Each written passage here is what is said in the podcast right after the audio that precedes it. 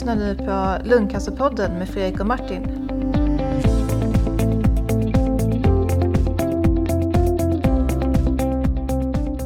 Hej och välkomna till Lungcancerpodden. Jag sitter här med Martin. Tjena Martin! Halloj!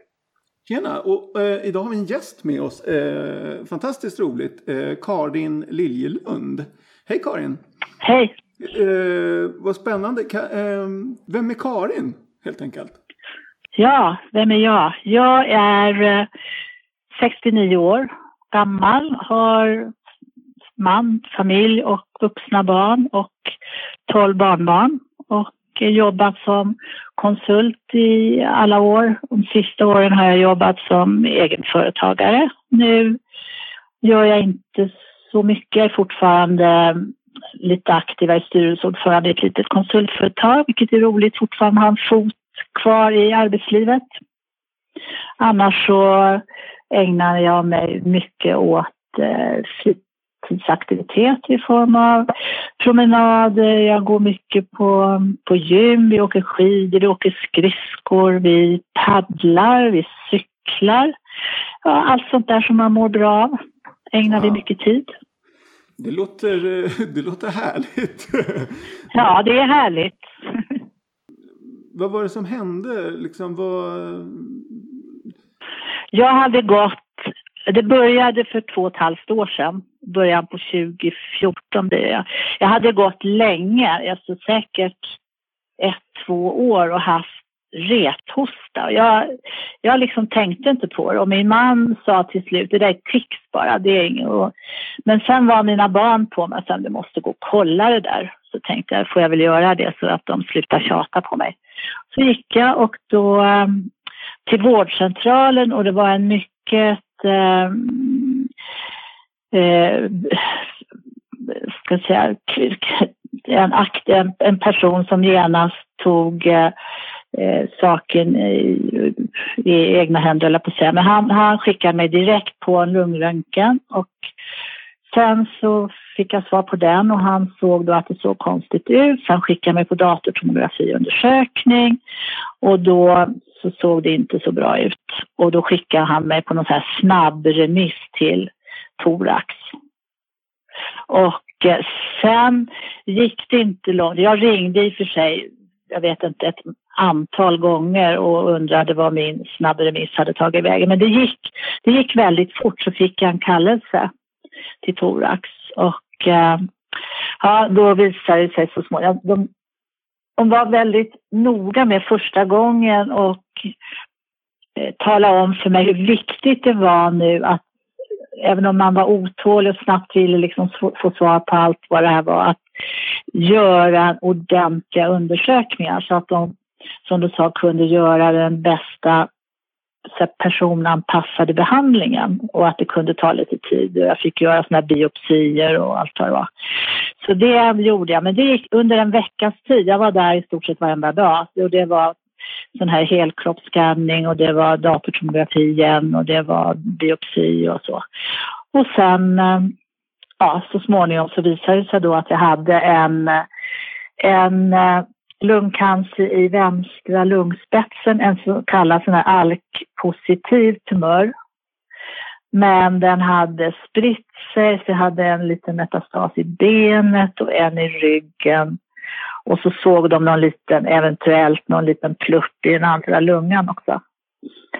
Och eh, då hade det alltså gått, ja, inte mer än fyra, fem, fyra veckor kanske gick väldigt fort. Det var ju väldigt, eh, ja, det, måste jag säga. Ja, eller hur. Det var ju enligt, ja. Och kanske mest imponerad är jag av, eh, av eh, husläkaren som, som tog det på sånt allvar.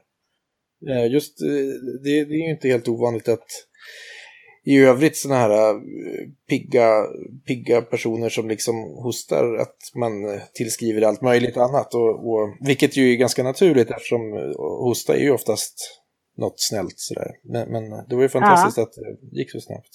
Nej, och jag, jag trodde ju själv det är nog astma. Nej, sa han, det är inte astma. Du, man har inte sån här hosta. Ja, så det, det var väldigt positivt. Eh, sen eh, var det klart inte särskilt goda nyheter precis. Det var ju chockartat såklart. Det har vi, den historien har vi ju hört många berätta här. Och det, det är ju så, lungcancer. För mig var ju det döden, döden. Det var inget annat. Alltså jag blev helt chockad. När, när började du gå upp för dig att, för jag menar när du gick till husläkaren efter en lång tids eh, hosta och i princip blev dittjatad av barnen, eh, när började du förstå att det här var någonting allvarligt och vad fick du för eh, indikationer på det så att säga? Det var faktiskt när han efter, Eh, när han fick tillbaka svaret på datortomografin, då ringde han hem hit och eh, bad att jag skulle komma ner och hörde då om jag hade Nej, han frågade kanske inte om min man, men då, då förstod jag ju att det var något konstigt. Då, då ringde jag efter min man, för han var inte hemma, så han kom i ilfart och följde med ner. Och sen när vi kom in liksom i rummet, för han sa att han ville prata med oss båda två, då, då förstod jag ju. Jag såg på honom att det inte var bra. Men då var det ju fortfarande det här, så jag trodde, alltså för mig var det helt, även då så kände jag det är, det är, någon, det är inte något farligt, det är någon godartad tumör. Jag menar, så här bra kan man inte må, man har lungcancer. Och, så jag trodde, hade aldrig trott då heller, det var inte förrän jag fick svart på vitt efter de här biopsierna det, att, det var, att det var lungcancer som jag fattade. Men jaha, det var så redan i, var det i primärvård eller var det var på lungkliniken då som du fick eh, liksom det här eh, beskedet efter eh, CT-skannen eller? Ja, just det. Det var, då kallades jag till, till ett första läkarbesök när de hade alla provsvaren. Ja, jag förstår. Och det var ju då, då fick jag, och det kan jag säga var inte ett roligt möte. Det, det var inte kul för jag tycker att det var inte ett, framfördes på ett, ett sätt som jag hade önskat. För ett, liksom nästan det första jag fick höra var att jag medellivslängd för lungcancer i två och ett halvt år. Mm. Och det, det tycker jag, det säger man inte vid ett första läkarbesök. Och det, det sitter kvar i mig på något sätt. Där. Nu, är det, nu har det gått två och ett halvt år. Jag liksom tänker här, jag lurade min famn jag lurar henne. Jag har levt mer än två och ett halvt år. För det, det har liksom etsat sig in i mig just det här två och ett halvt år. Va, va, vad hände efter eh, det här läkarbesöket och, och liksom när du har konstaterat att tyvärr så här var det? Var, satte du igång någon behandling direkt? Eller var... Ja, då, dels så sa de att nu, det är ingen idé, nu är du i chock, det är ingen idé att liksom prata behandling och ge dig mer information nu utan kom tillbaks på fredag. Det här var i början på veckan tror jag. Så då, då kom jag tillbaks och då fick jag eh, information om eh, dels att de hade gjort en sån här undersökning, för då visste jag ju inte att det var att jag var alkpositiv, för de provsvaren hade de inte fått. Utan jag levde då med att det var vanlig lungcancer och då eh, satte de med, med en gång in cytostatikabehandling. Så jag, gick, jag fick eh, fyra behandlingar med om det var tre, fyra veckor emellan. Och mitt i den behandlingen fick jag veta att jag var ALK-positiv. Men då, då, valde, då fortsatte de med cytostatikabehandlingen och eh, Eh, det var väl bra, för den krympte tumör, ner tumören ganska ordentligt. Jag svarade bra på den här psykostatikabehandlingen och mådde, vad jag har förstått, förhållandevis bra. Jag kände inte så mycket av det, jag tappade inte allt mitt hår och jag, ja, det var väl lite så här halvurkig emellanåt. Men på det hela taget så, ja, jag jobbade och det, ja, det var ungefär som vanligt. Hade du läst på där. Det var ju också diskuterat lite grann att, att eh, vissa eh, googlar som bara den eh, efter olika saker och andra. Du Fredrik sa att liksom, du inte riktigt orkade göra det. Du ville liksom bara bestämma dig sådär. Och när, när du fick reda på att du var alk-positiv då, var det någonting du visste om att det fanns? Att, vad det innebar? Nej. Och sådär, eller? Nej, det, det kollade jag. Och så fick jag väl veta väldigt, för det, det var ju det jag fick veta då med en gång innan jag hade fått svaret var ju att om det var det då kunde man behandla med läkemedel. Då slapp man cytostatikan och det var målstyrande läkemedel, det var mycket skonsammare för kroppen och sådär. Så men jag, jag hade liksom ingen tanke på att jag tillhörde de här 3 till 5 procenten, för jag brukar aldrig vinna på Lotto. Aldrig någonsin vunnit på Gröna Lund heller. Så jag tänkte jag kan inte tillhöra den här lilla gruppen vinnare. Jag såg det ju som en vinnare. Så när jag fick det beskedet, då var det liksom wow, hem och vi drack champagne här och, och så här, man tänker lite på, det här har man fått besked liksom att man har ändå lungcancer och, och metastaser och så kan man bli så otroligt glad av en, av en sån nyhet som säger att man är alkpositiv. Det, ja, det var lite märkligt, men så var det. Jo, det önskar vi flera, att det ska komma faktiskt eh, fler målstyrda behandlingar och fler eh, saker som gör att, att eh, jag hade precis samma upplevelse som dig kan jag säga när jag fick liksom reda på att jag var också inne i cytostatika behandling och så jag får man reda på att man har EGFR-mutation då. Att det liksom, vi korkade också upp en flarra champagne. Det var verkligen ja. ja, otrolig... Jo, men det är ett sätt, ett sätt att överleva. Och då i den vevan så blev jag kontaktad av Pfizer. Eh, för de skulle göra, det kanske man inte får nämna företagsnamn i podden, det får du ta bort i så fall. Det får man göra. Alltså vi är helt obundna och lyder inte under några regler, eller jag säga. Okay. Ty tycker vi själva i alla fall. Så, ja. så, och de, de skulle göra en informationsfilm om de här alkhammarna för de såg att det var så, på så eh, många ställen där läkarna inte kände till och patienterna inte fick den här möjligheten att göra de här kompletterande analyserna som behövdes och det var brist på patologer och allt det alltså man ville Ja, man, man ville försöka göra allt för, för att öka kunskapen både hos patienter då ställa krav på att de här undersökningarna ska göras och också att läkarna verkligen går in och, och tar tag i och föreslår och ser till att de här undersökningarna blir gjorda. Och det kände jag väl som något hjärtansvärt. Så då var jag med och gjorde en liten informationsfilm där, där både, dels var Tommy Björk då från stödet med och sen var det en läkare och så var det jag. Och det, eh, ja, det var väl ett, ett led i det här att, att också liksom komma ut. Du frågade förut hur, om jag, om jag googlade och tog reda på allting. Nej, i början gjorde jag ingenting. Jag, jag ville liksom inte veta. Varje gång jag gick in, jag kollade väl ibland, då var det ju och då fick man bara så otroligt mycket liksom negativa vibbar så att jag kände, nej, jag var inte mogen för det. Men nu känner jag, nu efter två och ett halvt år, nu har jag inga problem att gå in och kolla och nya metoder och titta och läsa och ta reda på mer och och jag känner för mig, min egen del att det är viktigt också här, att kunna ha kunskap för att också kunna ställa krav, eller ställa krav men vara lite informerad om vad som finns och ställa frågor och så.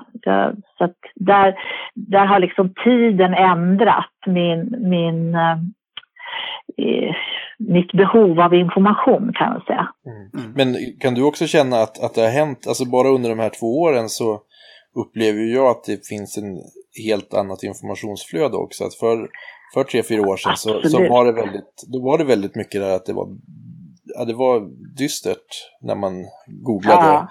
Eh, men nu har det ju liksom kommit eh, så mycket eh, så, som skapar hopp och som, som eh, helt, helt plötsligt så är det inte alls lika dystert. Det är klart att det är fortfarande jag menar, det är fortfarande en, en situation som, som som det krävs styrka och hopp och, och kamp liksom men eh, det, fin det finns en helt annan bild tycker jag nu för tiden och det är ju fantastiskt och, och just Absolut. jag tror att det, det, är också lite grann det som eh, jag tror att för, för två, tre år sedan då när, när du fick din diagnos då, då tänkte vi mycket mer i de banorna som, som du beskrev att, att din eh, läkare eh, uttryckte sig i att, att det här var någonting där man kanske redan från början måste börja ställa in sig på eh, att, att det, det kommer den här dagen liksom där, där vi inte har något mera. Men, men, den mentaliteten har delvis ändrats väldigt mycket och vi, vi, vi vet inte vad vi har att erbjuda om ett år. Det, det är så mycket som händer. Förut så har det varit ja. statiskt i 15-20 år i princip. Nej, och jag ser ju själv, för jag är ju inne nu på min, jag åt ett läkemedel under ja, ett år i stort sett, en alk, eh, eh, en alk, eh, sån här målstyrande, jag vet inte vad man kallar dem, alkhämmare eller vad de heter. Och, och sen såg man en tendens då till tumören att börja röra på sig igen och då är jag nu inne på en, en alltså en andra nivån eller vad kallar man det? Uh, ja. Andra generationen? Andra generationen, det var det jag sökte.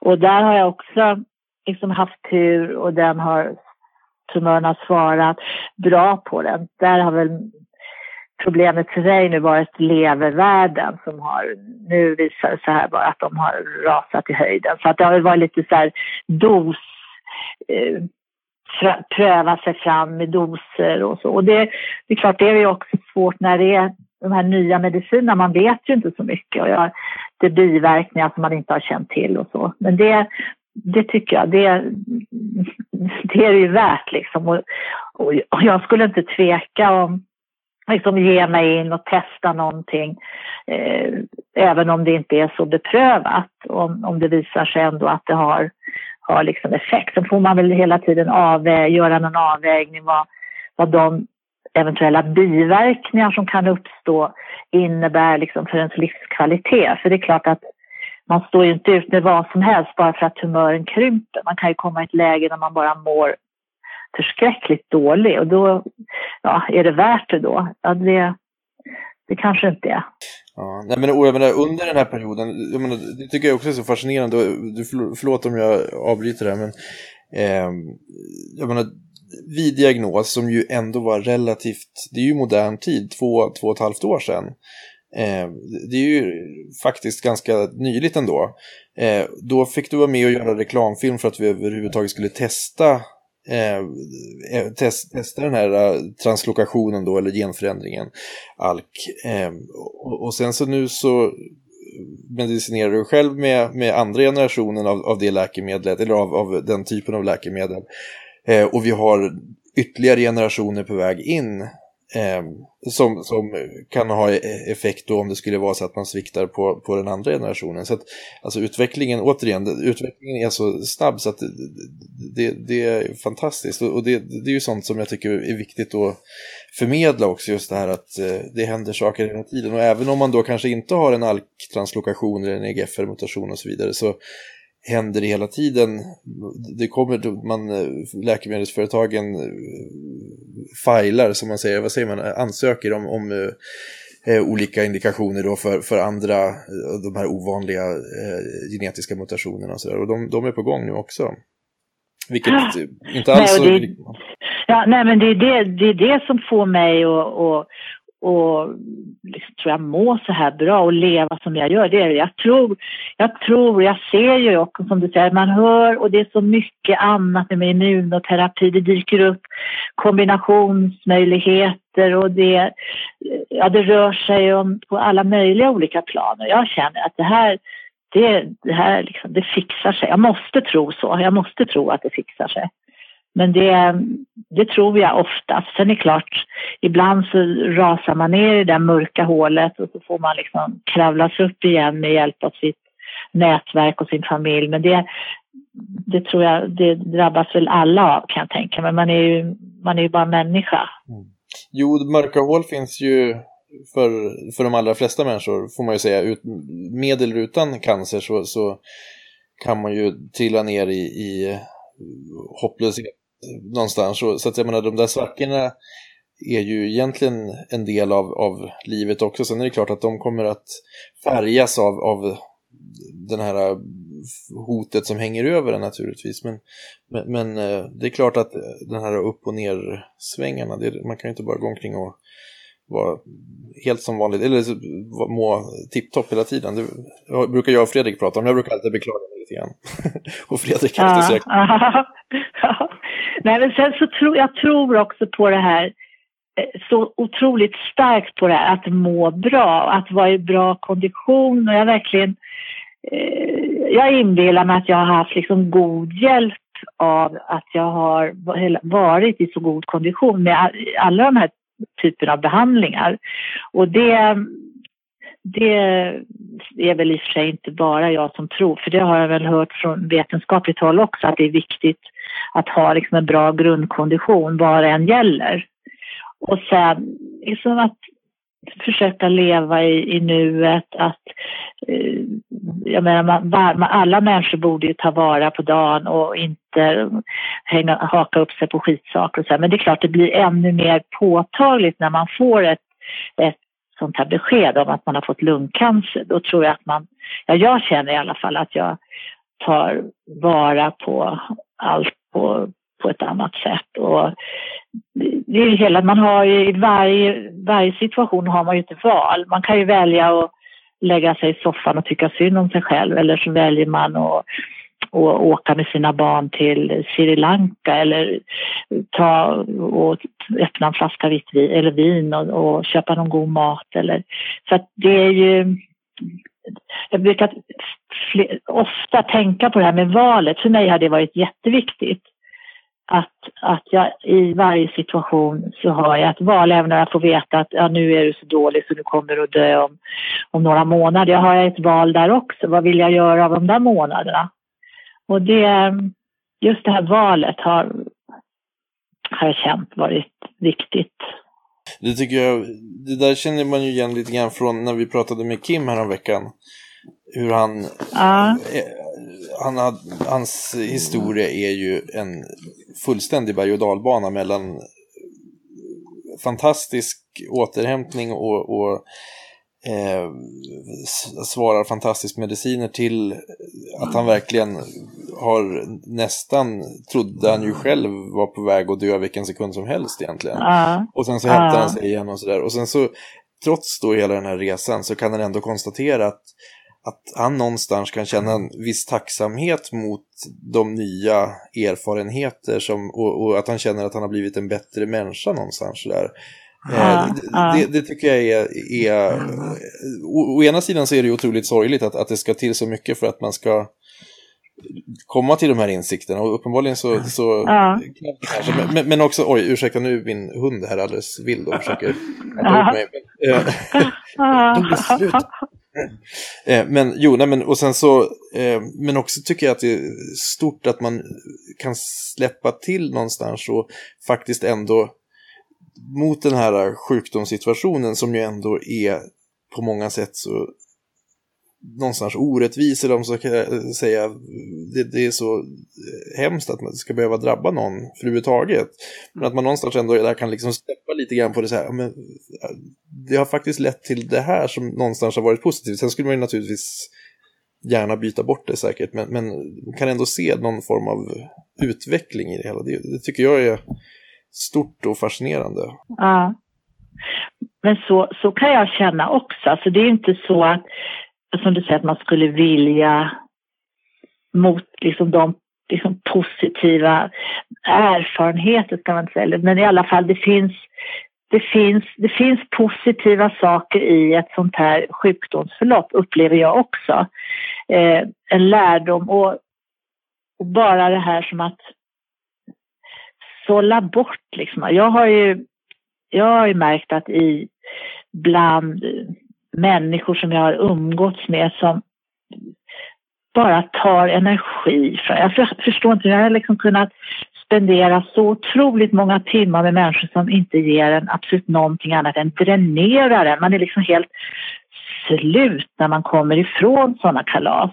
Vad ska, vad ska man göra det för? Och det, det kan jag känna, liksom, så, så, så, sortera bort sånt här tjafs. Och jag tror också i vardagen att man hänger inte upp sig, tjafsar, bråkar inte om, om saker som man förut kan gå sura över. Det kan jag känna och det, det, det tycker jag är väldigt positivt att, att jag har liksom kommit dit hem. Och det kan man ju tycka också samtidigt att varför insåg jag inte det för, för fem år sedan? Men det är väl så, man, man, eh, det måste väl hända saker ibland för att man ska liksom förstå värdet av det man har runt omkring sig. Det är det jag kan känna. Liksom. Jag, jag känner mig så otroligt rik. Jag har ju en fantastisk familj och barn och barn och vänner, kontaktnät. Och det kan jag tänka ibland om jag hade suttit ensam någonstans i någon liten lägenhet i någon förort. Så fruktansvärt det måste vara för de människorna som inte har det här stödet, kontaktnätet som hela tiden får glada hejarop och de som märker när man är kanske lite deppig och tar tag i en och gör roliga saker. Det är ju otroligt värdefullt. Det går ju inte liksom uttrycka i ord ens hur, hur, hur viktigt det är. Och som sagt vilken, vilken kraftkälla det är också för, för mig liksom att orka leva vidare och ha allt det här runt omkring mig det gäller att hitta sin lycka på något sätt. Jag menar, det finns ju, jag tycker också att, att själva sjukdomen har gjort en klarsynt att liksom hjälp fokusera på det som är viktigt i livet och se värde i det som är viktigt, det som verkligen är eh, liksom bör vara fokus i livet. För det är ju faktiskt så att som Einstein sa, att tiden är relativ.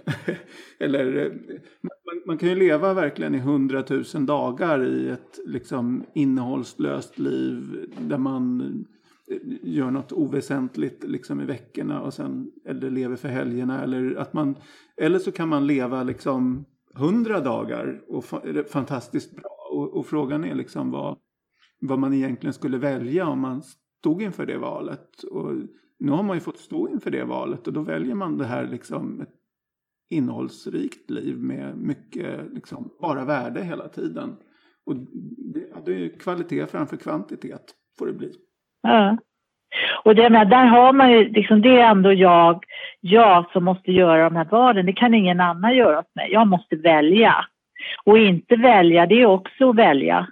Att, att, att inte göra någonting, det är också ett val man gör. Så att Ja, det, jag tycker det. Och det är väl delvis det jag får komma in som, som jag tror att, att vi som då inte kanske har behövt uppleva den här typen av omvälvande eh, händelser eller eh, en diagnos eh, lite grann hänger oss åt att, att göra ett inte-val. Att, att man tänker att det där kan man skjuta upp lite grann och just nu så har man ju sin sin grottekvarn på något sätt. Man, man eh, kämpar på i, i vardagen och, och, alla tider ska passas och liksom allt vad det kan vara, föräldramöten och eh, fotbollsträningar och hundpromenader och sådär. Um, men någonstans så är det ju faktiskt, precis som du säger, också ett val att man skulle ju faktiskt kunna börja prioritera saker redan nu. Men, men uppenbarligen så är det oerhört svårt att eh, ta den chansen, kan jag ju känna själv då. Eh, ja. eh, och det, det, är ju fasen att, att vi ska ha så svårt, mänskligheten, att, att vi har den här lutheranska, lutheranska saken lite för väl, eller djupt rotat där någonstans kanske. Han sitter där på vår axel och gör sig påmind. Ja, jo, i allra högsta grad. Hör, eh, Tusen tack för att eh, du delade din historia med oss idag Karin. Ja, ja tack så mycket. Ja, det har varit jättespännande att prata med dig. Eh, och med dig, dig, också Martin. Ja men tack. Det var ju väldigt filosofiskt och, och, och liksom livsbejakande på något sätt idag. Det var jättemysigt. Verkligen. Mm. Ja, tack för den här gången. Vi ses nästa gång ja. i, i Lungcancerpodden. det gör vi. Hej. Hej. Tack och hej. Hej. Tack för att du lyssnade på Lungcancerpodden med Fredrik och Martin. De senaste avsnitten hittar du alltid på lungcancerpodden.se eller i din podcastapp.